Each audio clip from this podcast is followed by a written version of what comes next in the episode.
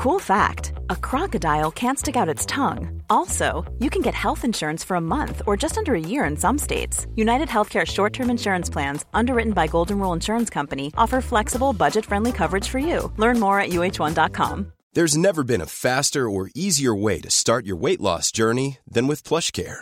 PlushCare accepts most insurance plans and gives you online access to board certified physicians who can prescribe FDA approved weight loss medications like Wigovi and Zepbound for those who qualify. Take charge of your health and speak with a board certified physician about a weight loss plan that's right for you. Get started today at plushcare.com slash weight loss. That's plushcare.com slash weight loss. Plushcare.com slash weight loss. Hiring for your small business? If you're not looking for professionals on LinkedIn, you're looking in the wrong place. That's like looking for your car keys in a fish tank. LinkedIn helps you hire professionals you can't find anywhere else, even those who aren't actively searching for a new job but might be open to the perfect role. In a given month, over 70% of LinkedIn users don't even visit other leading job sites. So start looking in the right place. With LinkedIn, you can hire professionals like a professional. Post your free job on linkedin.com slash people today. Kan ju börja med att, berätta vad Trolers 10 är.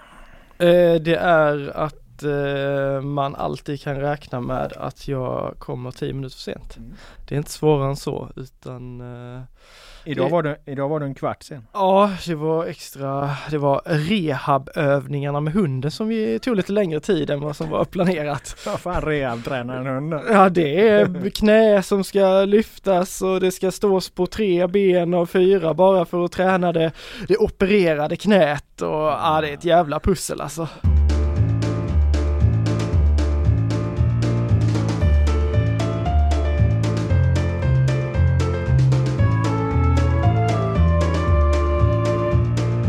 Hej välkomna till GPs fotbollspodd som ännu så länge saknar ett namn, men som fokuserar på fotboll i allmänhet och fotbollen i väst i synnerhet.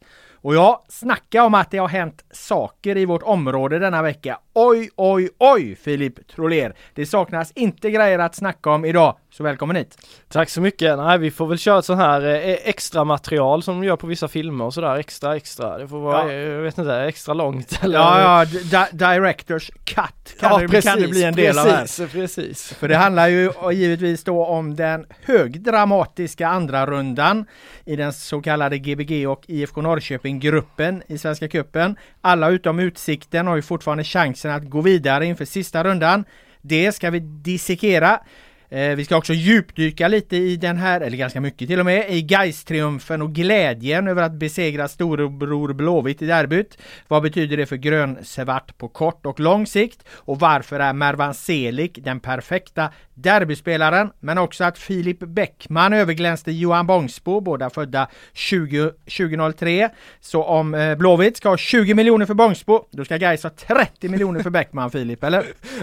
40 miljoner, 50 Oj. miljoner. Ja, men efter den derbyinsatsen så eh, Ja herregud, jag har ju suttit och plussat för Bäckman hela, hela hösten. Han har ju inte spelat i, i seriespel eller så, men jag har ju faktiskt eh, liksom samlat på mig rätt många gais träningar genom åren och i höstas var jag faktiskt väldigt ofta uppe på Gaisgården när det var, var så hett i, i ettan, slutspurten och eh, jag blev lika imponerad av Filip, Bäck, Filip Bäckman varje gång på träningarna hur han bara stod som ett hus, eh, ägde sina motståndare fullständigt i duellspelet och grymt fin vänsterfot. Nu fick vi äntligen se han liksom testas på, ja men vi får ju säga högsta nivå här i ett kupp, eh, cupgruppspel mot Blåvitt och han kliver in och alltså jag kan inte komma ihåg en enda dålig aktion han gör. Han snackar till sig något gult kort men jag vet inte fasen om jag ens tycker det är dåligt för jag tycker det visar att han hade ingen respekt överhuvudtaget för, för det här motståndet och ja, han tillsammans med Axel Norén de käkar ju upp eh, Blåvitts anfallsspel fullständigt. Mm, det där ska du få utveckla ännu mer eh, strax här. Eh, vi ska också prata om eh, Utsikten förstås som klarade 3-3 mot eh, eh, Peking. Vi ska prata om IFK Göteborgs spelidé, om polisens skarpa kritik eh, mot stöket runt derbyt och under derbyt på läktarna samt ordförandevalet i Svenska fotbollsförbundet där eh, striden rullar vidare.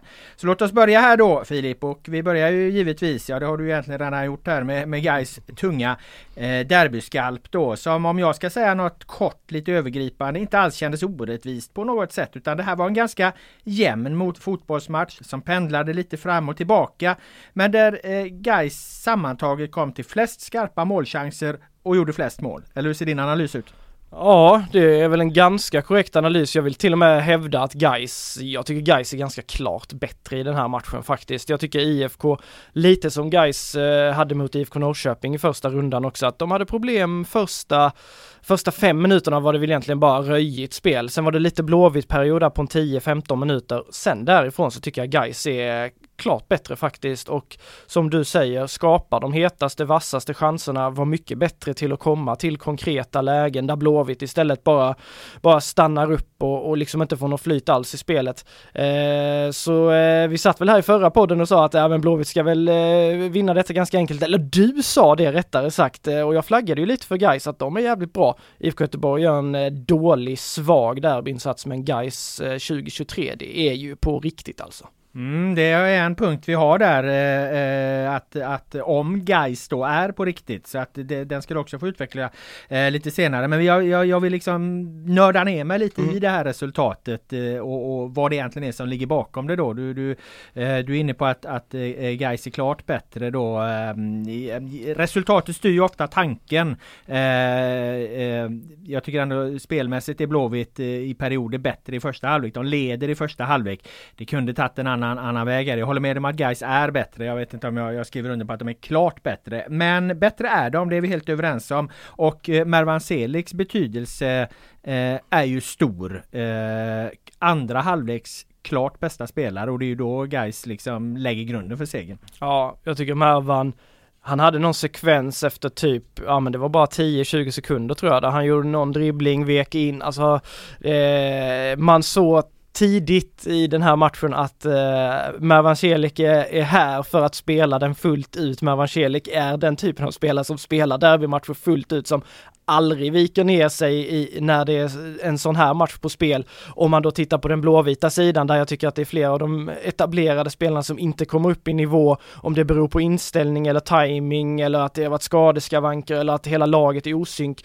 Det är omöjligt att svara på men jag resonerade lite om det i mina fem punkter där att ja, men jag tror mycket handlar om timing. Men Mervan, han är ju på plats, han är ju bättre tränad än någonsin. När jag, när jag såg honom i höstas, de körde lite individuella tester så där, så tänkte jag, för jag har liksom sagt till Mervan efter han kom tillbaka från Turkiet då i somras och skrev på för grejer så tänkte jag honom som att, ja men vad fan jag sa till honom, fan är du redo att kliva in till matcher? Ja, jag är bra tränad sa han och det visar han ju under hösten sen. Och när de körde de här individuella testerna, det var löptest fram och tillbaka på planen på Gaisgården. Mervan var ju eh, absolut en av dem som var i toppen där.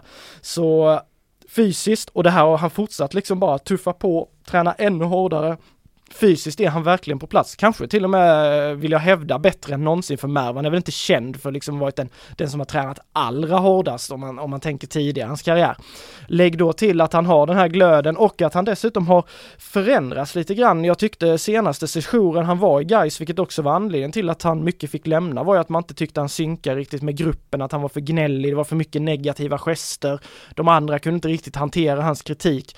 Nu tycker jag han är mycket mer eh, eftertänksam i hur han, hur han uttrycker sig, hur han visar. Han har fortfarande den här glöden, men det är inte det här eh, ner med huvudet när han inte har fått bollen eller när han passning, utan han är mer påkopplad hela tiden, har ändå det här drivet. Dessutom verkar ju gruppen vara bättre på att ta honom då. Så jag tycker Mervan Celik har hittat en helt perfekt roll i det här guys där han liksom även när han har varit vid sidan av plan så har det liksom inte varit några konstigheter utan han, han sitter på bänken en match för han vet om att Fidde vill ha honom där när det, det är som allra viktigast. Mm, och symboliskt så blir han ju liksom den stora hjälten i det här ja. också. Till ovanpå allt det du säger liksom så fixar han straffen och är iskall vid straffen. Lägger in 2-1, eh, lurar ner eh, IFKs målvakt Adam Benediktsson då i ena hörnet och, och, och, och lägger in den ganska lätt i andra. Eh, och ja, kröner ju den här insatsen då genom att på det sättet bli den stora matchhjälten. Ja, verkligen och som vi ställde ju frågan där till Fidde på presskonferensen efter hur, hur, hur skönt är det att ha Mervan, att han kliver fram till den straffpunkten och jag kan ju tänka mig att guys hade inte, det finns ingen spelare i hela världen jag tror de hellre hade haft som klev fram till den straffpunkten i det, vid det tillfället i den matchen mot Blåvitt framför den egna sektionen.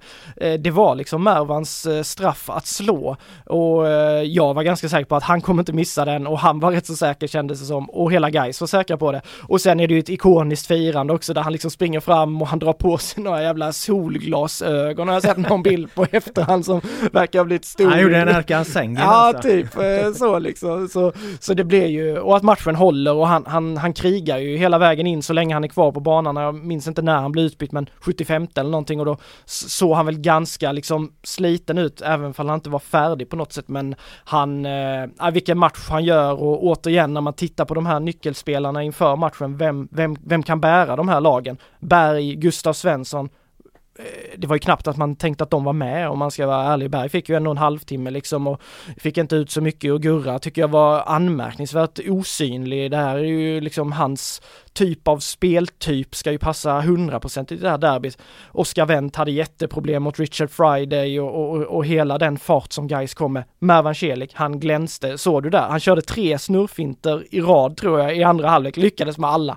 Det var, ja, det var hans, det var hans dag. Men har han varit en, en derbykung på det sättet tidigare under sin karriär eller? För det blir han ju verkligen här. Ja, nej men alltså det är väl inte så att han, det är väl inte som Selakovic där, han gjorde väl en jävla massa derbymål mot nu om det är Häcken eller om det är Gais eller det, det, det, har jag inte i huvudet här. Mervan har väl eh, gjort, eh, avgjort derby, jag är tveksam till att han liksom har varit den målskytten eller så. Men det är mer att jag tycker han är den, de stora matchernas man på något sätt, att den som man håller i handen då, i det här ganska unga och orutinerade guys som det fortfarande är. Och jag tycker att den matchen som Geis, som gjorde att Geis tog sig hit, det vill säga mötet med IFK Värnamo i, i, i höstas, ett bra Värnamo i allsvenskan som, som startade med eh, Marcus Antonsson, jag tror Magashi var med, jag tror Oskar Johansson var med, eh, mot ett B-lag, alltså Geis B-lag plus Mervan typ. Eh, och Geis gjorde en jättebra match då. Och Mervan klev fram med två mål och, och jag trodde först att han hade gjort hattrick, det var Carbo som var sista, men han, han bar laget där. Och nu bär han dem mot Blåvitt igen. Så ja, här i, i modern tid så, eh, så har han ju verkligen visat att han, han kan fortfarande och att han är jävligt god spelare att ha i ett, i ett lag i, i de viktiga skedena. Mm, och du sa ju där att i ett då eh, relativt ungt guys eh, då så det kan ju vara en bra övergång till eh, till den här mittbacksduellen då som vi flaggade lite för tidigare och som du varit inne på mellan 03 orna Johan Bångsbo väldigt omskriven och Filip Bäckman betydligt mer anonym då men som du har flaggat för en hel del. Och i det här derbyt då så, så är väl allas eh, åsikt och analys egentligen att, eh, att Bångsbo överglänstes klart av Bäckman. Ja, det är ju inget snack om det. Jag tycker Bångsbo hela den här försäsongen har, alltså du ser ju vilken klass han sitter inne på när det gäller eh, passningsspelet. Men jag tycker han har känts rätt mjuk överlag. Alltså han är ju inte den här eh, grismittbacken på något sätt, den här hårdföra, utan han är ju den lugna, trygga men ändå väldigt stabil i kroppen och bra med foten, vänsterfoten. Konstgräs mittback är han ju. Han är ju skolad ja, på konstgräs och väldigt bra med bollen men i duellspelet ja, så finns... har han ju väldigt långt kvar till en, en nivå där han ska liksom om man tänker honom på en högre nivå då, mm. att klara liksom en försäljning ute i Europa och klara liksom det spelet på, på, på, på gräs liksom. Det, mm. det, det, är en jätteomställning som han, han arbetar med just nu. Absolut, sen tycker jag ändå han visade tendenser i gräsmatcherna i fjol som visar på att han ändå har en, eh, alltså en kvalitet i mm. duellspelet också, men det handlar mer om att han behöver komma dit hela tiden. Jag tycker att han eh, liksom känns som att han zoomar ut lite från det emellanåt. Och det blir... Han har ju inte sina spetsegenskaper Nej, det blir inte naturligt där. Liksom. där. Mm. Eh, och sen tror jag ju fortfarande att Johan Bångsbo, det är ju liksom en av de mest talangfulla spelarna vi har i den här stan och han kommer gå för jättemånga miljoner. Sannolikt kanske fler miljoner än vad Filip Bäckman går för en dag. Men den här, den här eh, matchen som Bäckman gör, det är verkligen ett statement på vilka jäkla duktiga mittbackar guys har eh, underifrån med då Arnes Kardaklia som gör det jättebra mot IFK Norrköping. Sen kommer Filip Bäckman här och gör det ännu bättre mot IFK Göteborg. Och så har de Axel Norén som är den de håller i handen och, och som verkligen kan utveckla dem. Så eh, de borde vara så in i helvete glada att Abbas Mohammad bara försvann och att, att eh, Robin Frey som då kanske inte lika tydligt är, är tänkt som en startspelare kom in för nu kommer de två få utvecklas och, och Bäckman alltså fortsätter han så här då, då, då kommer han ju vara en jätte, jätte jätte, jättebra försvarare i superettan den här säsongen. Mm. Eh, Bångsbo som jag har sett mer av där då. Eh, eh, det är ju alltid vanskligt när man, eh, när man bedömer de unga spelarna för man placerar in dem någonstans i den här uh, uh, ungdomskvoten och så se, se, ser man dem alltid som lite bättre än vad de egentligen kanske är just för att de är, är uh, ganska unga då. Och, och, när du talar om att de kommer sälja han för jättemånga miljoner och så ja det kanske de gör. De har ju en större omsättning än Gais. Det är klart att de kommer mm. någonstans få mer pengar pengar för honom än, än, än Bäckman, även om Bäckman nu skulle vara lite bättre. Det tror jag ju också, men eh, Stefan Selakovic, agenten, var väl ute i någon, någon, eh, någon konkurrerande podd till oss här och pratade om att, att eh, ja, men det handlar om 15-20 miljoner någonstans för Bångsbo. Att alltså man får liksom inte, inte bli för fartblind i det här heller.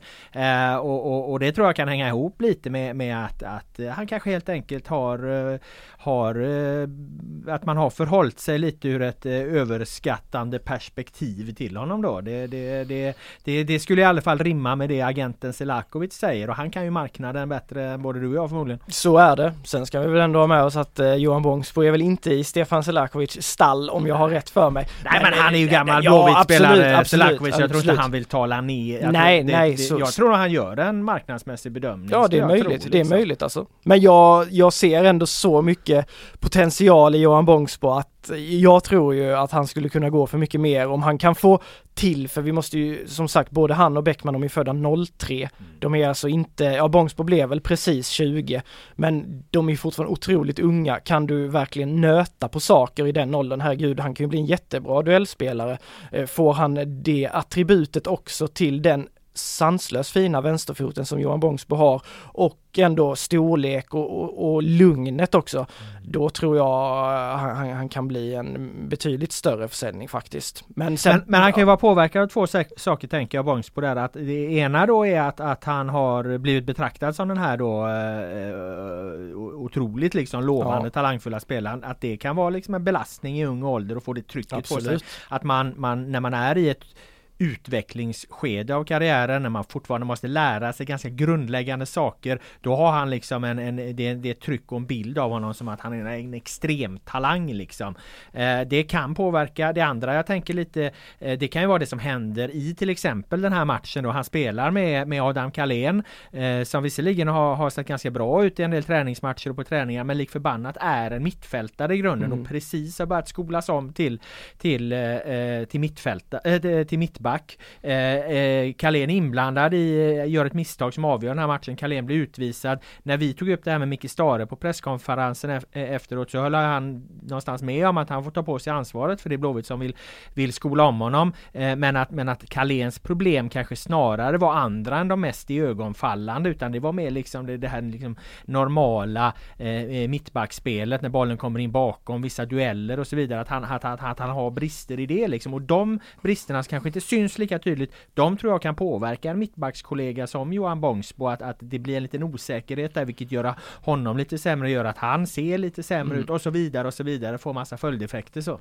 Absolut och om man då jämför då med Guys som har Axel Norén där som har spelat va, i princip varenda jävla minut förra året och som är liksom hur trygg och säker som helst. Han har, känns som han varit mittback i hundra år, Axel Norén. Och så kommer Bäckman in där och verkligen har någon som kan grejerna. Johan Bångsbo, det är ju han som ska hålla ihop den här backlinjen där Sebastian Olsson har varit skadad, där Adam Carlén skolas om, där Oskar Wendt eh, som vänsterback eh, saknar rätt mycket kräm eh, och där det har varit skador på Tronsen och Emil Salmonsson har spelat där och Hausner har varit inne och rört lite men är liksom inte redo det är ganska tufft för en 19-20-årig kille att, att liksom ha det ansvaret dessutom. Att vara konstanten Ja precis, konstanten. När, när, dessutom målvakten från förra året som hade extremt ja. bra fötter och var en avlastning för hela den backlinjen Vanner han tänker jag på är borta. Pontus Dahlberg har kommit in, de börjar lära känna varandra. Han blir skadad, det kommer ytterligare en ny in. Så det är en jävla röra där också. Ja och så, och, så, och så att de dessutom då vill förändras, alltså Blåvitt de vill ju ha ett annat typ av spel dessutom. Mm. Alltså så det är så många saker vi kan kasta in i den här soppa medan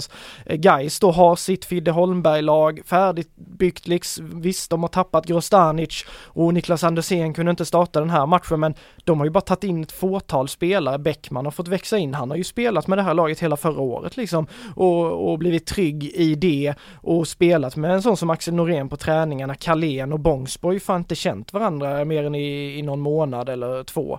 Eh, så det, det, finns ju förklaring men ändå eh, Bäckmans eh, match, det, det, den är helt otrolig. Den är mm. helt otrolig tycker jag. Eh, och den ligger då till grund för, med en del annat som vi har pratat om, att Gais tog ännu en kuppskalp. Precis som de gjorde då 2018, 2019 och 2021 då de också tog tunga segrar eh, i kuppen och sen gick det åt helvete varenda gång i seriespelet. Och det här var ju något som bland annat tränare Fredrik Holmberg då påpekade på presskonferensen när han refer- och den här matchen kommer jag faktiskt ihåg när han refererade till segern eh, eh, mot Malmö FF 2021 var det väl som mm. slutade med att Malmö vann guld och Gais åkte ur. Det var ju typ det första Holmberg sa när han kom upp där på presskonferens. Och jag måste säga det, du känner ju den här Holmberg mycket, mycket, mycket bättre än vad jag gör. Jag har knappt sett eh, människan tidigare. Eh, fan vilket sympatiskt och, och, och, och lugnt och eh, begåvat eh, intryck han gjorde måste jag säga på mig i kombination med att jag tyckte att Gais i den här matchen ovanpå allt annat du har sagt såg väldigt välorganiserad ut. Så att jag blev jäkligt liksom på det stora hela taget imponerad av Holmberg och då undrar jag lite i kombination med det du sa tidigare här nu apropå att Gais är på riktigt.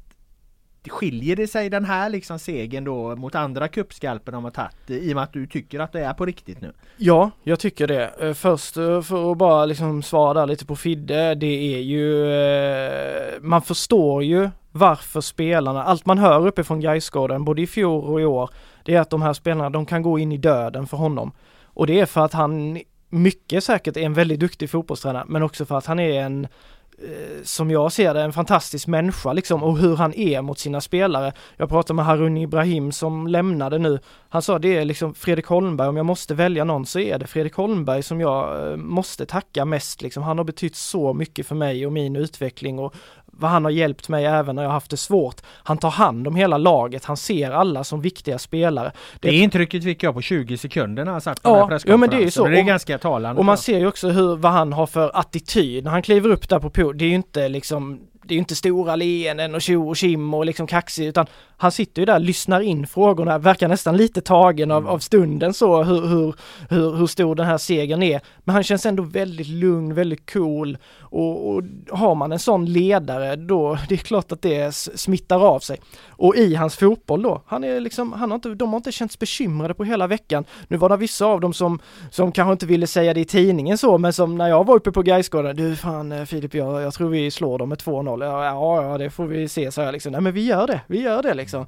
Och, eh, och även när jag pratade med dem efteråt så eh, vi, vi låg under i halvlek men vi vet att vårt spel, vi, det räcker för det här. Vi kände det, det kommer räcka för det här. Vi, vi tror på det här. Och det är ju lätt att man säger det där, du vet att man tror och man tror och man tror. Men på Fredrik Holmbergs fotboll, det verkar de banne mig tro allihopa.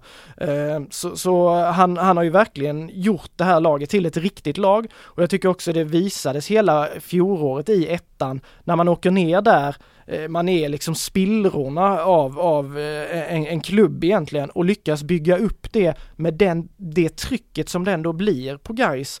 De kan inte åka ner och inte gå upp direkt utan de måste göra det direkt. Och de gör det direkt och de gör det med många involverade, många får vara en del av det här och de fortsätter på samma spår in i detta året, många delaktiga, det var en helt annan elva mot IFK Norrköping och, och man får ihop det här laget. Det är en känsla som jag tycker skiljer sig mot tidigare kuppframgångar om vi tar 2018 där med Boskos gäng som spelade skjortan av Elfsborg och Hammarby och man tänkte herregisses det här blir hur bra som helst. Det var ju fantastiskt många individuellt skickliga spelare med Junes Barney, Edin Hamidovic, Dusan Djuric. Det var mm, liksom otroligt många så individualister men det där laget kändes aldrig riktigt som ett lag. Framförallt inte när det började blåsa emot lite. Då spretade det åt alla håll. 2019, ja då, då var de ett ganska tunt lag som ändå lyckades ta en skalp, spela bra fotboll, men det var också så här, det var stökigt, Hamidovic försvann och det var, det här laget, det kommer inte hända något sånt. Och 2021 mot Malmö FF, då var de egentligen helt utspelade men lyckades vinna. Den här matchen, de vinner ju på sin egen kapacitet. Även om Blåvitt gör en dålig match så är det för att guys är så jäkla gedigna så de klarar av att, att vinna det. Det känns som att de vinner det för egen maskin. Det är inte att de en snedträff i 93 och tjo, oj vi fick tre poäng i, i derbyt. Så var det ju absolut inte. Så de känns gedigna och på riktigt. Det var en lång utläggning men, mm. men, men, så ser jag det. Nej mot Malmö FF då 2021 så var det verkligen, då var de i eget straffområde ja. stor del av matchen men, men, men klarade ändå det. Eh, det var mycket initierad eh, utläggning och då ska jag vara djävulens advokat och, och, och smula sönder den med en snabb mening då. Eh, minns du fjolåret 2022, eh, våren 2022 vad som hände när BK Häcken åkte upp till, eh, till Stockholm för att möta Hammarby i Svenska Cupen. De förlorade med 4-0 och var fullständigt utspelade. Vilka vann Allsvenskan 2022? BK Häcken. Ja. Så frågan är, kan man överhuvudtaget lita på någonting som händer i Svenska Cupen? Nej det är... Det var ändå kvartsfinalen. Ja det var ändå kvartsfinal. Alltså det det är ju faktiskt en rimlig fråga att ställa sig. För vi är ju väldigt många, både vi i media och supportrar, som är väldigt duktiga på att dra slutsatser av det som sker i Svenska Cupen. För vi tänker så här, ja men nu är det inga träningsmatcher, nu är det tävlingsmatcher. Det här är ungefär ett riktmärke på vad vi kommer ha de här lagen under säsongen. Och ibland är det ju verkligen så, I, och ibland, ibland, är det inte så. Och ibland är det verkligen inte så, nej. Precis, precis som det var då med, med, med, med Gais mot Malmö FF, men kanske ännu mer med BK Häcken som, som man tyckte eh, såg inte alls bra ut och där det dessutom hade väl hackat en hel del under försäsongen. Vi ja. var inte så impade av dem. Vi brukar ju alltid sitta och vara impade av Häcken på försäsongen annars. Ja vi valade fram till dess men ja, då, jo, då bröt var... ju Traoré benet ja, i den matchen ja, och Jeremejeff ja, hade ju inte gjort en minut liksom. Nej. Utspelade där i, i, i Stockholm och totalt nedtryckta liksom. Medan i efterhand har den matchen blivit någon form av liksom vändning väckarklocka för mm. dem liksom. Mm. De beskriver att det var där liksom de verkligen började inse att det här måste vi göra annorlunda och så satte de ner i träningsmatchen därefter och sen gjorde Jeremejeff tre premiärer mot AIK så var guldet i praktiken klart. Ja, ja men typ så och, och um, i Gais fall så är de ju eh, det tror jag nog de kan skriva under på själva också. De är extremt bra på att få hybris och, och, och tro att nu kommer det bli succé och fantastiskt och så här. Lika bra som, eh, eller dåliga som de är på ibland och tro på att kan, kan guys verkligen vara så här bra? Men i det här lagbygget så ser jag, jag ser den röda tråden hela tiden och just det här att guys äntligen till slut har skitit i det här att man ska bara in med massa nyförvärv och sådär. Se vad ni har istället, bygg vidare på det. Ta en sån som Jocke Åberg, han var inte speciell alls förra året. Nu har han varit bland de bästa. Han var bäst på plan mot IFK Norrköping, han var bland de bästa i det här derbyt. Han går in och styr och ställer på det mittfältet trots att de har Axel Henriksson, Jonas Lindberg borta. Alla har ropat vi måste värva mittfältare, vi måste värva mittfältare. Nej, det är inte säkert att ni behöver värva mittfältare. Och jag tycker jag gillar att Gais är så de är så coola nu eh, och det, det imponerar på mig. Samtidigt så eh, när det gäller IFK Göteborg så finns det ju eh, lite större bekymmer även om de kanske då ska ta det andra perspektivet och tänka att ja, 2019 då var det ganska många som tänkte att Blåvitt kan, tippar inte du att Blåvitt skulle åka ur då? Mm, var det 19? Ja det var något av de där åren. Ja jag tror det var, eller om det var Balkander här, ni kanske var båda två? Ja de var ju i botten där något år. Då ja. har jag för mig att jag tippade dem. Eller så var det att jag gjorde det året innan. Jag minns inte. Det var, det var, det var ju ett par år där de ja, var i botten. Ja. Så jag skulle säga att tipset eh, utslaget över en, en tidsrymd var korrekt. Ja. Sen om det var korrekt just det aktuella året vet jag inte. Men, men ser du till var de befann sig den perioden så var det nog rätt. Ja, det var när jo, de hade Poja jag tippade dem i botten. Jo men precis, men det var ju inte 2018 tror jag inte utan jag, jag, jag har bestämt för mig att det var 2019. För det, och det var fullt rimligt ja. menar jag. För de hade tagit in, deras värvningar var Jones Barney och liksom anfallsbesättningen, det skulle ställas hoppet skulle stå till Sargon Abraham ungefär eh, på förhand. Men, och Blåvitt såg ju bedrövliga ut i, under hela, eh, eller stora delar av försäsongen. Eh, om jag minns rätt nu så åker de upp och förlorar premiären i Allsvenskan också 2019. Ja, och ser, med AFC eller vad Ja, om det var AFC eller om det var Örebro, något av dem. De gör en jättedålig match i alla fall. Eh, och sen så kommer de hem och möter Elfsborg på, på Ullevi. Eh, vi snackar omgång två eller tre. Ja just det, vinner med 3-0 ja, va? Och sen mm. Sen är det IFK Göteborg som flyger som de inte hade gjort på flera år då eh, och var helt fantastiska. Skillnaden mot det Blåvitt kontra det Blåvitt vi har nu var ju att det var väldigt många unga och utvecklingsbara spelare i det laget. Benjamin Nygren, Alhassan Yusuf eh, med flera, med flera, Karl Starfelt. Det var jättemånga som verkligen lyfte med det där. Men det visar ju också att man behöver ju inte deppa ihop och Blåvitt behöver inte vara, liksom ge upp eller döma ut någonting med det här laget för den här förlusten, även om det naturligtvis svider extremt mycket för dem att förlora mot Gais och på det här sättet. Mm, nej, du leder in mig på Blåvitt där, för jag har en grej på dem. Jag ska bara säga det att, att, eh, eller upprepa det rättare sagt, att det som gör att jag känner lite att fan det kanske finns något i det här Gaisen då. Det, det är inte så egentligen så mycket de enskilda grejerna, utan det var just att jag tyckte att de, de såg så jäkla välorganiserade ut och att eh, eh Fidde Holmberg då, eh, vilket han berättade på, eh, på presskonferensen, eh, gjorde en taktisk eh, korrigering där kring, kring eh, vänsterkanten vill jag minnas att det var och, och fick en eh, bra, bra effekt av det och att spelarna tog till sig, gjorde det här, man kunde förändra det här i, i en organisation som de redan kändes ganska grundtrygga i då och det, det, det, det, det ser jag som ett gott tecken för guys. Vad gäller Blåvitt då så är det ju många, väldigt många skulle jag säga, som slänger sig med det här med att Blåvitt Eh, i allmänhet eller kanske Blåvitt framförallt under Micke Stare då inte har någon spelidé och jag är otroligt trött på, på, på att när, när man bara slänger ur sig det utan att man på något sätt liksom eh, fördjupar resonemanget. Det är ganska banalt att hävda att det finns ingen eh, spelidé. Eh, för så här är det Filip, att jag ska berätta om Blåvitt spelidé för dig. Och då undrar jag, hur länge vill du att jag ska hålla på? Jag kan prata i en halvtimme om IFK Göteborgs spelidé under Micke Stare. För det är klart som fan att de har en spelidé. Ge mig ett minutantal och jag fyller det. Jag lovar dig. Hur många minuter vill du att jag oavbrutet ska prata om Micke Stares spelidé? För lyssnarnas skull så tror jag inte vi ska sikta in oss på en halvtimme i alla fall. Då tror jag någon, äh, ganska många checkar ut. Men äh, lös det på två minuter. Två minuter, nu ska vi få två minuter oavbrutet. För det är klart som fan att IFK Göteborg har en spelidé. En spelidé är ju väldigt mycket. Först och främst innefattar ju en spelidé eh, både det defensiva och det eh, offensiva. IFK Göteborg är ju liksom ett, ett ganska tydligt lagbygge, en av de tydligaste föreningarna över tid i sin, i sin fyrbackslinje, att man bygger på det här. Nu har man visserligen eh, eh fyra, spelar man 4-2-3-1 eh, i sin formation. Tidigare har det varit 4-4-2, men skillnaderna där är ju inte jättestora. Det är ju egentligen att man spelar liksom med, med, med en, med en tia eh, istället för två, ett anfallspar spelar man med en tia och en striker och att man får upp liksom yttrarna lite mer, eh, har, har två tydligt sitt sittande eh, innermittfältare. Eh, eh, tydligare roller är ju egentligen vad, vad man gör i ett, ett 4-2-3-1. Skillnaden mot, mot 4-4-2 är inte jättestor alltså. Men man har den här fyrbackslinjen precis som man oftast eh, eh hade i fjol. Eh, det är liksom den stabila defensiva grunden. I det här så vill man, vill man vad man nu då försöker göra. Sen menar jag inte att man alltid lyckas med det, men man vill kliva, komma lite högre upp eh, i, i, i var man står i sina utgångsläge med laget så att man sätter lite högre tryck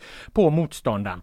Sen lyckas ju inte alltid detta eftersom att eh, kliver du högre upp med spelare som du är inne på, Oskar Wendt som inte har så mycket kräm som var väldigt eh, eh träffande. En ny mittback, eh, omskolad eh, eh, mittfältare till mittback i Adam eh, Sebastian Olsson som varit skadad, nykomponerad backlinje och allt det här. När de då liksom utsätts för eh, omställningar och så, här, så, så, så är det ju tufft liksom för dem att ta det defensiva jobbet. Men det handlar ju ingenting om att man, inte, att man inte har en spelidé. Det är ju att man försöker liksom utveckla en verksamhet att bli lite mer framåtlutad utbildade i sin spelidé eh, som, som redan finns.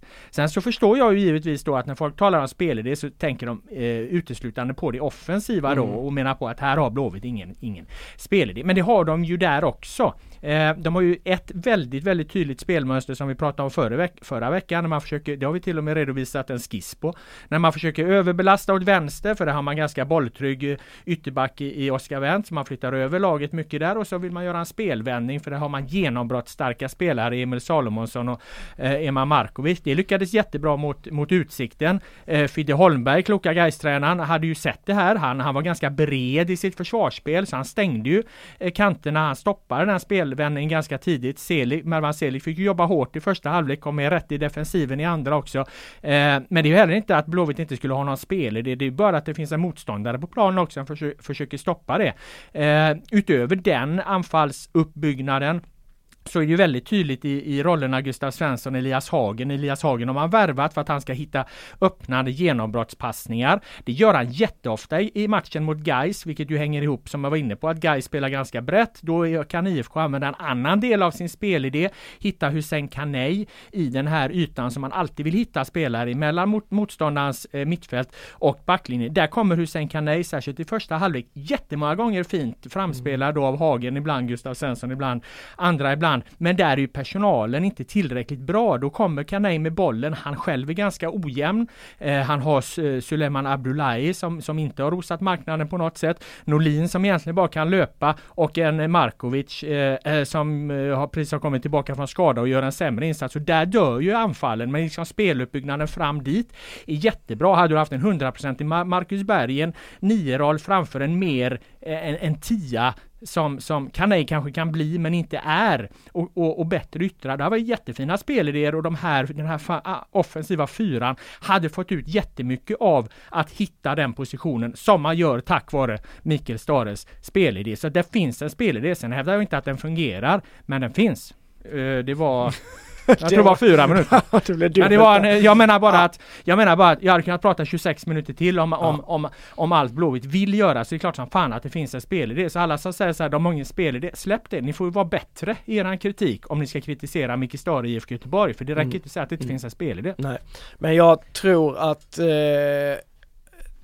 anledningen till att folk landar där det är för att det är så lätt att, slänga sig med det just eftersom det är ju precis som du säger, det är ju det offensiva spelet man tittar på bara och ser det torftigt och trögt och det händer inte mycket, då är det, ja men vi har ingen spelidé. Det är snarare det än att ja men våra spelare är för dåliga eller de är ur form eller att en motståndare gör det bra.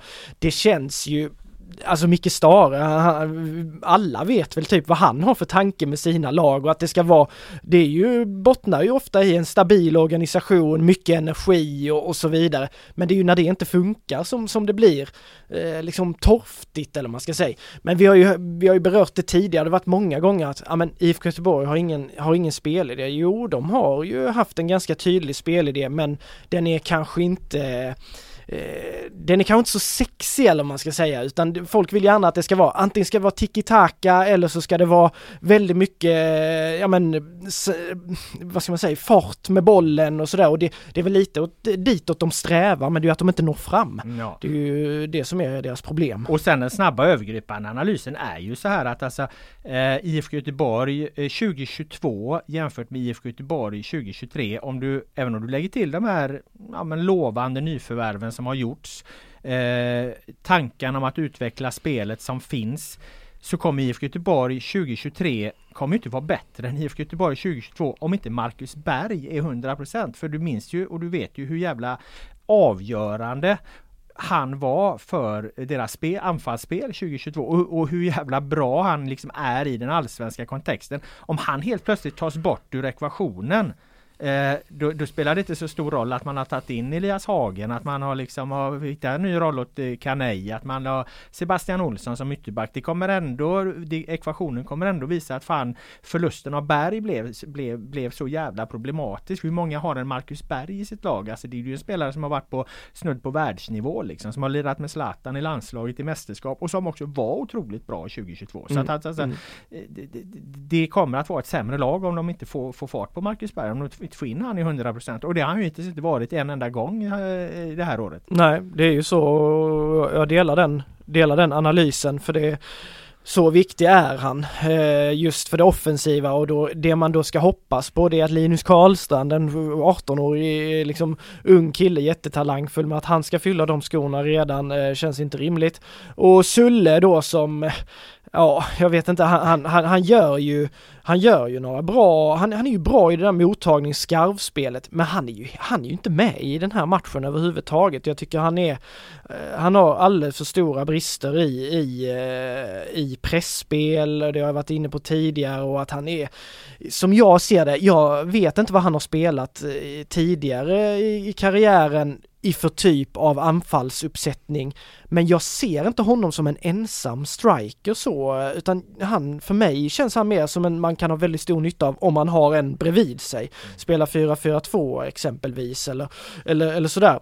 Eh, så absolut, eh, Hausner, Carlén, eh, Olsson, Hagen, nej, så länge Marcus Berg inte är där så, så kommer de få problem eh, offensivt helt klart. Mm, nu svarade ju Stare, jag tror han var med om det var Sportbladet som hade en sån här intervju med, med, med tränarna där, eh, intervju och då frågade de hur många matcher tror du att, eh, tror du, frågade de Stare hur många matcher han tror att Marcus Berg gör, då svarade han 25. Så att eh, uppenbarligen så, så, så även om det ser hackigt och ryckigt och, och, och att Berg ligger långt efter nu så, så tror de ju ändå att han, eh, att han, att han kommer göra den absoluta merparten av matcherna och då, då ja alltså Ja men då kan ju bli IFK Göteborg trots det vi har sett här nu i kuppen tror jag faktiskt bli eh, lite bättre än att var, 2023. Kanske inte jättemycket bättre men eh, i alla fall att de tar ytterligare ett par kliv i rätt riktning. Ja absolut, alltså för mig trots att jag har sett dem spela den här derbymatchen så är det inte så att jag håller det som omöjligt att IFK Göteborg ska kunna komma topp tre.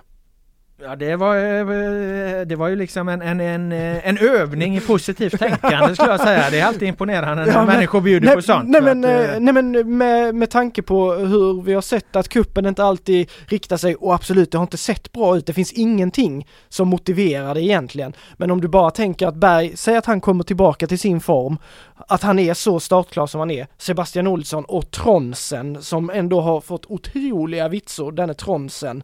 Och Sebastian Olsson som ändå har varit, det är ett tag sedan nu, han har varit skadad mycket, men har en enorm kvalitet. Och Hausner och Bångsbo, alltså den fyran i backlinjen, det är ju en fyra som ska kunna vara riktigt bra. Hagen, Gustav Svensson, de ska också kunna göra det riktigt bra. Kanel, det är ju det där lite yttrarna, Markovic, Norlin. Ja, det är den offensiva det, det är lite där. Ja, det är den som är... Den, eh, som vi ju tidigt ja. slog fast ja, är, så, är så, problematiskt. Liksom. Så är det, och jag säger inte nu att IFK Göteborg kommer topp tre här och nu. Ja, Kanske man ska ha dem någonstans. Det, det, tror jag att du ska slå fast. Nej men typ sjua, nia någonstans eller sexa, nia någonstans. Eh, men eh, jag finner liksom, det är inte omöjligt om de kan få allting att klaffa. Så, så tror jag. Mm. Eh, jag skrev, jag tror jag skrev på, på Twitter var det väl att, att eh, där jag spekulerar liksom att med en frisk berg 5 till 8 med en utan berg överhuvudtaget 8 till 12 troligare och då fick jag ju någon efter mig som sa som menar på okej okay, så du menar att liksom IFK Göteborg ska komma före två av eh, eh Malmö FF, eh, Häcken, eh, Djurgården, AIK, Hammarby, Elfsborg. Eh, och, och ja, jag förstår ju invändningen ja, även om ja. jag menar vem fan hade trott att Malmö FF skulle ha sex lag före sig i fjol. Alltså det, jag menar, eh, större mirakel har ju, har ju absolut skett. Så, jag, eh, så att jag tror väl eh, alltså, i den bästa av världar med en 100% i berg 25 matcher av 25 matcher av 30 som Stara hoppas på. Då, då, då, då, då kanske de kan ta sin femte plats Men jag tror inte så mycket högre. Men vad fan eh, vet man? Eh, jag glädjer mig att du, du som sagt visar prov på positivt tänkande. För de är vid det här laget redan hårt prövade IFK-supportrarna. Ja, jo men absolut. Och nu, nu ska man inte liksom sitta här och hypa upp dem för det är liksom inte, det är inte rimligt att göra det efter den här plattinsatsen och ganska dåliga, eller mediokra insatser mot Utsikten också. Men jag bara menar att man ska inte slå fast saker för tidigt och om man bara tittar på vilken elva de skulle kunna ställa upp eh, så tycker jag att det är så mycket kvalitet att om några av de andra skulle ha problem, säg att Hammarby som har gjort om jättemycket, AIK som inte sett sådär jättelysande ut hittills, säg att några av dem skulle ha lite hackigt och Blåvitt skulle få en träff, då är det absolut inte omöjligt med topp tre. Kanske mer troligt topp top fem eller topp åtta, men nej, det kan hända, absolut. Mm, vi släpper derbyt där, i alla fall det som eh, hände på planen. Eh, för sen var det ju omständigheterna runt matchen då, eh, bråk och stök och det har då bland annat polisen reagerat starkt på. Vi hade en artikel om det eh, signerad våran eh, kollega Adam Fröberg här. Eh, intervjuat en, en polis då, Theodor Smedius som eh, ingick i, i, operationen då kring, kring hur man skulle hantera den här eh, derbymatchen på Bravida Arena och eh, eh Smedius säger då citat till GP att man kastar bengaler och träffar varandra och poliser. Det är ett farligt beteende. Det var ett hejdlöst eldande inne på arenan där matchen fick pausas ett tag. Eh, slutcitat. Efter slutsignalen fortsatte oroligheterna, berättar Theodor Smedius. Nytt citat. Man sökte konfrontation i många, många timmar, både på Hisingen och inne i Göteborgs centrala delar. Där försökte man hitta varandra för att slåss mitt på stan bland andra människor som inte har något med fotbollen att göra. Man lyckas även med det vid ett par tillfällen. Eh, det var bara vårt agerande och vår närvaro som gjorde att det inte uppstod några stora skador. Eh, slutcitat då och det var alltså polisen Theodor Smedius det och jag känner igen lite det. Jag jobbar uppe i Stockholm i många år och eh, där man eh, särskilt liksom i början av 00-talet och på 90-talet men även en bit in på 00-talet och framåt hade väldigt stora problem med, med, med, med konfrontationer och så här och sen så fick man lite rättsida på det men eh, då var det ju alltså det var ju mellan 200 och 300 poliser som arbetade eh, i samband med varje eh, högriskmatch där uppe. Och det är klart att om du skickar in liksom ut 300 poliser och helikoptrar och drönare och allt vad fan är det, det är klart att då blir det inte så mycket ordningsstörningar. Men tar du bort alla de där, vad skulle då hända liksom ifall det finns liksom de här attityderna i början? Och det är väl det någonstans Medius menar här då att det ska liksom inte behövas sådana enorma eh, polisinsatser bara för att den här matchen då ska eh, kunna genomföras.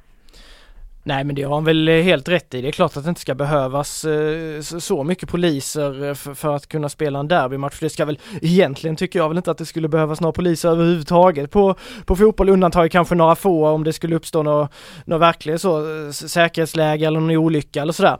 Men det, det, är ju, det är ju så det är och det är bara Ja, jag man blir ledsen liksom eh, med, med det man hörde där, Brunnsparken, bråk och grejer. Först tycker jag väl ändå att man kan säga att, att eh, stort tack till alla de som kom dit och gjorde den inramningen inne på arenan till en riktig derbyfest. Det var fantastiskt bra tryck där och man kände att lilla Bravida Arena, det kokade verkligen med två klackar som sångmässigt verkligen eh, mobiliserade och gjorde det till, till ett jäkla party. Men allt det här tjabbet runt om Eh, bråk inne i stan redan kvällen före har det ju rapporterats om och sådär och att det blir hets, att, alltså, att de är uppe uppumpade, att det är energi, man har inte mötts, alltså jag köper att man, eh, att det verkligen, man, man känner att man brinner, men man måste ju, det vi satt och sa, man måste ju kunna sansa sig och det är ju tråkigt att där är personer som använder den här liksom, det fina fotbollen är och den stämning som det ska vara till att det ska vara våld och oroligheter och skit liksom.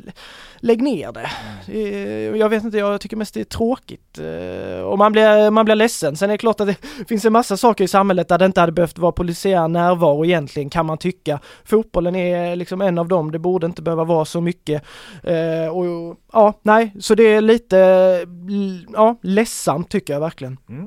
Eh, jag, ska, jag ska ta upp en grej som jag reagerade på och se vad, vad du, du säger om det för du kan ju också den här världen. Eh, och det gäller det som hände inne på arenan då. Jag håller ju med dig där liksom att inför matchen det var ju jävligt eh, maffiga tifon både från, från, från Gais framförallt och, och, och IFK Göteborg också. Jag, vad kom vi fram till? Gais eh, fick nästan full pott. De fick 4-4 och IFK låg på 3 eller? Ja någonstans. Eh, jag har för mig att vi landade där och det var ju mycket att vi visuellt tyckte jag Blåvitt var jäkligt klatschigt och fint. Alltså det här blå och vita tydliga färger, mycket flagga, emblemet, en, en liksom tydligt enkelt budskap till det en banderoll. Jättesnyggt tifo. Men jag tyckte Guys hade lite mer kreativitet. Det var mycket liksom göteborgska symboler med, med, med Tvåans spårvagn. Tvåans spårvagn och korvkiosk och eh, vi hade väl någon av de här Skansen Kronan var det väl och... Eh, det var mycket identitet. Ja men det var mycket identitet och jag och tycker också att båda ska verkligen hyllas för Bravida. Inte så enkelt enkelt att få det liksom maffigt eller man ska säga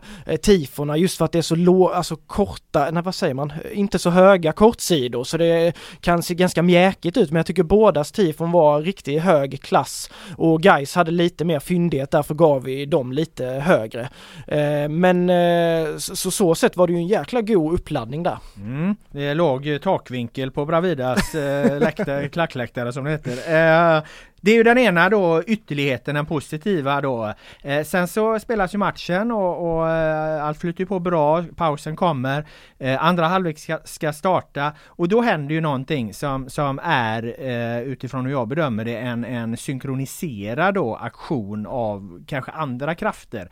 Eh, och det är att så fort spelet går igång eh, så, så antänds det extremt mycket pyroteknik eh, från guys. Samtidigt så eh, spänns det upp en, en en jättelik flagga, en sån här OH-flagga över hela, hela Bravidas kortsida egentligen där IFK-klacken eh, står. Eh, och eh, all den pyroteknik Gaisklacken har tänt Eh, den har ju fått spelet att pausa. Sen dras eh, stora OH-flaggan bort från IFK-klacken och så tänds det ungefär lika mycket pyroteknik där och då måste man plocka av spelarna i, i, av planen och så är det ett åtta minuter långt uppehåll. Eh, det här upplever jag, det här har ju ingenting med att skapa en stämning. Det här är ju liksom en, den typen av maktdemonstrationer som ultrasgrupper ibland gör för att visa, titta antingen gör de, som det, gör de det som protest, jag vet inte om det fanns så mycket att protestera mot den här gången, eller så gör de det för att visa vi kan. Eh, här har det varit mycket snack om, om den här avbrutna matchen jag kan tänka mig, eh, från 2019. Jag kan tänka mig att det hänger ihop med det. Man sköt inga raketer men man vill ändå visa titta vi kan, vi äger kortsidorna, vi äger de här läktarna, vi gör det. Det tycker jag är fullständigt onödigt för det har ingenting att göra med att skapa den stämningen som man i första läget gör med sina tifon utan det är liksom en det, det, det, det, totalt ovidkommande del som heller inte riktigt kan kopplas ihop med, med något där fotbollen och supportrarna liksom agerar ihop för att skapa en bra miljö. Det betyder ingenting, det ger ingenting positivt annat än att det, det liksom är en, en, en, ett par grupperingar som visar att vi kan spänna musklerna. Du kan ju den här världen, du får rätta mig om jag har fel här, men, men, men, men upplever inte du just det på samma sätt liksom? Eh, jag tror absolut att det ligger eh, delar i det, att det visar, alltså supportrarna med tanke på vilka år vi har haft här, även om det varit lugnare nu ju, sen villkorstrappan skrotades eller vad vi ska säga, så, eh, så är det klart att de tycker att, att de har makt över läktarna och, och de kör sitt race. Eh, men jag tror också på fullaste allvar att det finns de som tycker att det här är något som tillför också, att det ger en inramning. Och i Blåvitts fall får vi väl ändå man kan tycka vad man vill om att man har en hel kortsida som eh, täcks av en OH-flagga där det står hata guys och mm, ett... Ja, det tycker jag är bedrövligt men... Eh, överkorsat det... emblem. Ja. Jo men alltså i deras värld så tycker ju de att det, det är ju ändå ett tifo liksom. Och det är där de som använder bengaler som jag också är övertygad om att de tycker att det är en del av tifokulturen. Jag kan ju tycka att bengaler i samband med ett kaos-tifo, du vet med konfetti och det är blinkningar och sånt. Där kan jag tycka att det, det kan jag absolut, att jag tycker det är fett liksom. Det var lite det jag var inne på den skillnaden. Ja, det här är något annat. Ja precis. Liksom. Och, och jag i det här fallet, för mig de här bengalerna, jag liksom det ger mig inte så mycket. Men i ett organiserat tifo-sammanhang så kan jag tycka att det ger någonting. Men sen vet jag liksom inte, jag har liksom, jag kan inte sitta här och säga att jag vet att det är så. Men jag tror handlar lite om att man vill visa och lite om att det är de som tycker att det tillför och att det är stämningshöjare även på det sättet liksom. Mm. Eh, nu reagerar ju polisen då som vi var inne på, på på de här oroligheterna kring matchen och det handlar väl liksom också om att, att eh, det finns risk eh, eh, för att det kan bli stökigt nästa vecka eller till helgen också egentligen i och med att då, då spelar ju Blåvitt på ett ställe och, och Gais på ett annat eftersom Blåvitt möter Norrköping på Bravida och, och eh, Gais möter Utsikten på, på Vallala där så man hoppas väl liksom att, att, att genom att gå ut här så, så ska man dämpa allting lite grann nu så det, så det blir lite lugnare nästa helg i stan.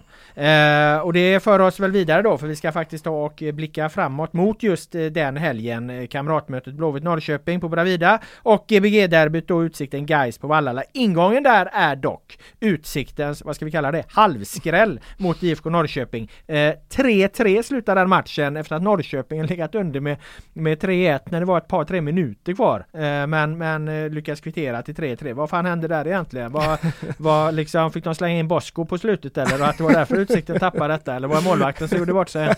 Nej usch, nu får vi inte. jag hade Florian Palmovski hela hösten som jag satt och sågade sönder och samman. Eh, nu ska väl inte Hossin Lagun bli samma hackkyckling här, även om jag tycker att han svajade i den första derbymatchen där mot Blåvitt. Det var du inte ensam om att tycka heller. nej, nej. Det, även om eh, han hyllades av tv-kommentatorn där. Ja, lite, halv... lite roligt. Ja, lite halvmärkligt kan jag tycka, även om han gjorde några riktigt vassa räddningar i slutet. Så för mig var ändå helhetsintrycket av den insatsen var svajigt och det skrev ju huvudtränare Boskorovic under på. Han tog ju heder och ära av honom egentligen. Jo, jo tack. Efteråt. Men, eh, nej men vi hade ju den här matchen, jag hade den lite sådär i bakgrunden och kollat höjdpunkter och sådär för den spelades ju parallellt med Blåvitt Gais då. Eh, och eh, när vi fick upp livescoren först för vi tänkte ju, ja vi får ju ha med oss det andra resultatet för att veta liksom hur vi ska formulera frågor och, sådär, hur läget är i gruppen. Och så ser man 3-1 till Utsikten borta mot Norrköping vad fan händer? Eh, men sen lyckas ju då Norrköping via två mål som, eh, ja, det, jag vill inte hänga målvakten, jag vill snarare hänga försvarsspelet som är riktigt eh, svagt på båda de målen eh, tycker jag. Det, det ena är ett inspel där, där, där det liksom passerar flera spelare och ingen riktigt går dit. Man kan ta undan bollen istället, bara får den åka rakt igenom och så, eller spelas rakt igenom och så kan någon bara raka in den. Eh, så de eh, känns som att de eh, blev lite eh, ja, pannben, det höll inte riktigt. De blev lite svajiga i benen i slutet, Utsikten. Jag vet inte om det var trötthet för jag har inte sett hela matchen men som att de inte riktigt kunde knyta ihop säcken. Det är lite synd kan jag tycka, det har varit jäkligt häftigt. Alla fyra på tre poäng inför, inför sista omgången. Vilke, vilken eh, rafflande upplösning vi hade fått. Nu blir det ganska rafflande ändå, men utsikten är ju då borträknade. Utsikten är borträknade då som ändå eh, får man ju säga har ju, de har ju varit, var ju liksom på förhand den eh, förväntade slagpåsen någonstans ändå. Eh, de har ju ändå gjort ett bra cupgruppspel här. Uddamålsförlusten med, med 2-3 mot, mot Blåvitt där och, eh, och 3-3 mot eh, Norrköping. Så frågan är även om vi inte ska göra den nya målvakten till någon syndabock så, så jag menar med, med en bättre målvakt så hade de kanske haft, eh, haft de där tre poängen du efterlyser. Det tror jag faktiskt att de hade haft. Jag menar tar du Blåvitt matchen där liksom så hur många mål? Det är ju ändå Det är två Ja två och säga att ett misstag kan man väl göra liksom. Ja, men, men ja. hade du ett mål då, då hade de haft ett kryss i den matchen ja. i alla fall. Då hade de ju varit med i det här racet. Ja, då hade exakt. de ju stått på två pinnar och haft chansen eh, väl om Blåvitt och Norrköping då hade kryssat och de hade slagit Gais. Eh, så, så, Utsikten tycker jag absolut ska, ska hyllas för sin insats hittills och, och jag måste säga att jag är imponerad över hur det här lilla ja, kvartersgänget eh, med Boskos, de här grabbarna, känns ju väldigt spretigt men de får ändå ihop det. Jag tycker ju de såg ganska trevliga ut mot Blåvitt. Ja, de var ju mer alltså. spelförande ja, egentligen ja. På, på offensiv planhalva ja. än vad IFK Göteborg var. Nu säger inte det så mycket med tanke på att, på att IFK Göteborg eh, har ju en hel del kvar att utveckla vad gäller den delen av mm, spelet just mm. då. Men, men det kan ju inte ta bort något från eh, Utsiktens prestation i den bemärkelsen. Nej, och det, det är imponerande att de kan få ihop det och det känns ju här och nu som att de de eh, ska kunna streta emot rätt så bra i superettan också. Mm. Och sen kommer det bli en eh, ganska kittlande match mellan Gais och Utsikten här där, där Gais ja, ska vi kalla att de är lite favoriter till att gå vidare nu. Fördel guys avslutar ja, min krönika det. Ja, jo men alltså det är klart de har utsikten där, den förväntar man ju sig ändå att guys ska ta med tanke på hur stabila och solida de ser ut. Och sen så har vi då Norrköping som inte har sett sådär jättebra ut och ett Blåvitt som inte har sett sådär jättebra ut, som mycket väl skulle kunna spela bort varandra via ett kryss kanske.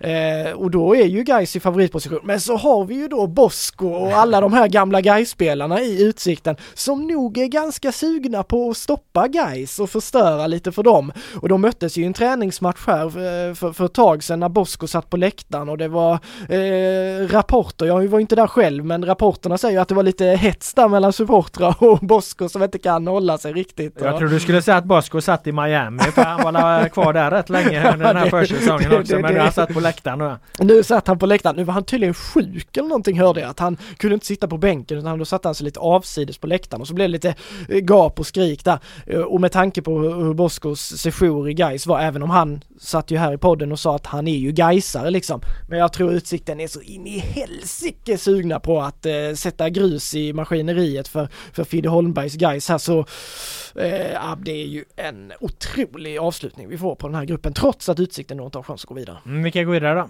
Ett lag är det du ska säga här nu. Mm. Norrköping, IFK Göteborg eller Gais? Um... Medan du tänker kan jag säga då trots att jag liksom är, är eh, uppvuxen och, eh, och eh, präglad av att guys alltid lyckas schabbla till det på, på något sätt när läget ser ganska gynnsamt ut så, så håller jag fast vid min, vid min avslutning på min krönika där att det, det känns som det är fördel guys. Jag tror faktiskt att de går vidare. Ja, nej jag tror Blåvitt går vidare. Mm. Då blir det väl Norrköping då? ja precis, antagligen. Nej jag tror Blåvitt studsar tillbaka här nu mm. när alla skäller på dem och är liksom herregud vad uselt detta var och så vidare och så vidare. Att de lyckas samla kraft, de får en träningsvecka ihop tillsammans här, kanske några till som lyckas komma igång. Norrköping som inte har imponerat, Blåvitt har hemmaplan, Gais ska möta Utsikten som de, eller inte de kanske, men som vissa underskattar.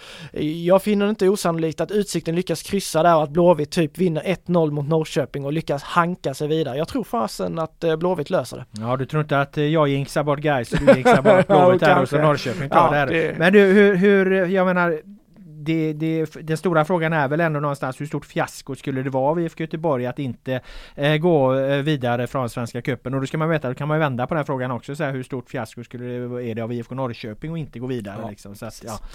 Det är ju så som kuppen är upplagd så är det ju ett lag som går vidare och, och ofta innehåller ju då varje grupp två allsvenska lag ett lite topplag, ett lite mitten eller bottenlag. I det här fallet så är ju Blåvitt och Norrköping låg ju ganska nära varandra under förra säsongen och kliver väl in i den här säsongen på något sätt med lite nya spelare, lite nytt spets i Blåvitt, lite nytt spets i Norrköping, alltså så här att ganska, det, det är ju naturligtvis ett misslyckande är det, men fiasko, ja, i och med att Blåvitt eh, åker ut då tack vare att man förlorar mot Gais eh, inte för att ta bort, ta bort någonting från Gais för jag tycker de är ett jäkligt bra lag som sagt. Men Blåvitt ska ju vinna den matchen med tanke på var de hör hemma och var Gais hör hemma då skulle det vara ett fiasko för att det är för att de sabbade mot guys som de, de åker ur. Annars tycker jag väl snart att det är ett, det är ett misslyckande för de ska ju vara eh, topp 8 naturligtvis. Sen tycker jag det är lite synd. Jag, hade jag fått eh, göra om lite i Svenska Kuppen så hade jag velat att två lag från varje grupp gick vidare. Vi startar kuppen en vecka tidigare, kör en åttondelsfinal också.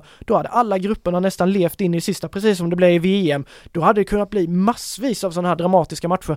Nu är det ju ganska många grupper som där det bara är max två lag som har chans att gå vidare och där det blir betydelselösa matcher. Det tycker jag är synd. Ja, men här blir det dock ett jävla drama. Eh, ja, här ju, lever det ju verkligen. Äh, och det är jäkligt kul. Det är jäkligt kul. Lika spännande är det väl kanske inte då i BK Häckens grupp som ju städade av Trollhättan med eh, 6-1 och de är väl i princip redan vidare. Möter eh, i princip är nu, de möter Halmstad BK på lördag.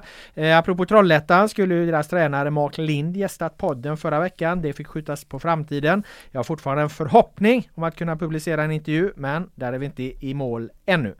Eh, dessutom har det hänt en hel del grejer på distriktsnivå om vi ska lämna då Svenska Kuppen och våra lag. Eh, för att eh, det var årsmöte i Göteborgs fotbollsförbund eh, i veckan här i tisdags kväll och eh, under dagen, samma dag tisdag då, så gick IF Elfsborg via klubbdirektören Stefan Andreasson ut och sa att Elfsborg säger nej till Fredrik Reinfeldt i det stundande SVFF-ordförandevalet trots att Reinfeldt är ju Eh, eh, SVFFs valberednings eh, officiella kandidat. Han är ju liksom den föreslagna kandidaten. Elfsborg backar istället Lars-Christer Olsson. Och på kvällen där då så gick Göteborgs fotbollsförbund, ett av de största distrikten i Sverige, ut och säger att de, de nobbar också Fredrik Reinfeldt, den föreslagna SVFF-kandidaten och backar Caroline Waldheim istället. Det står ju mellan de här tre. Reinfeldt förstås då i egenskap av officiell kandidat. Men också Lars-Christer Olsson som är något av elitföreningarnas man, eller i alla fall kommer han bli det. Och Caroline Waldheim då som ju mer och mer framstår som distriktens kandidat. Så det kan ju bli en, en rysare här då. Men vad jag hör är ju att det är ju inte många som backar Fredrik Reinfeldt alls. Det är ju en liten gåta att han har blivit den föreslagna kandidaten på så eh, många sätt. Fan jag höll på att köra av vägen när den här flashen kom att han var så alltså jag har väl inget emot Fredrik Reinfeldt på det sättet men, men alltså det, det, var så oväntat liksom och ju mer man hör om det desto mer oväntat verkar det. Jag, jag, jag, det ska bli oerhört intressant att följa det här valet för att förstå lite mer om, om hur har valberedningen resonerat här? Alltså förstår du det? Nej, jag gör faktiskt inte det. Eh, och jag tycker också det blir extra tydligt när, eh, när man läser att Reinfeldt vill i princip inte uttala sig. Han vill liksom inte, dyker inte upp i någon debatt eller någonting, att allting är så ovisst. Eh, och då får man ju lite så här dåliga vibes eh, på vad vill han göra med vår fotboll? Eh, sannolikt någonting som inte den breda massan vill.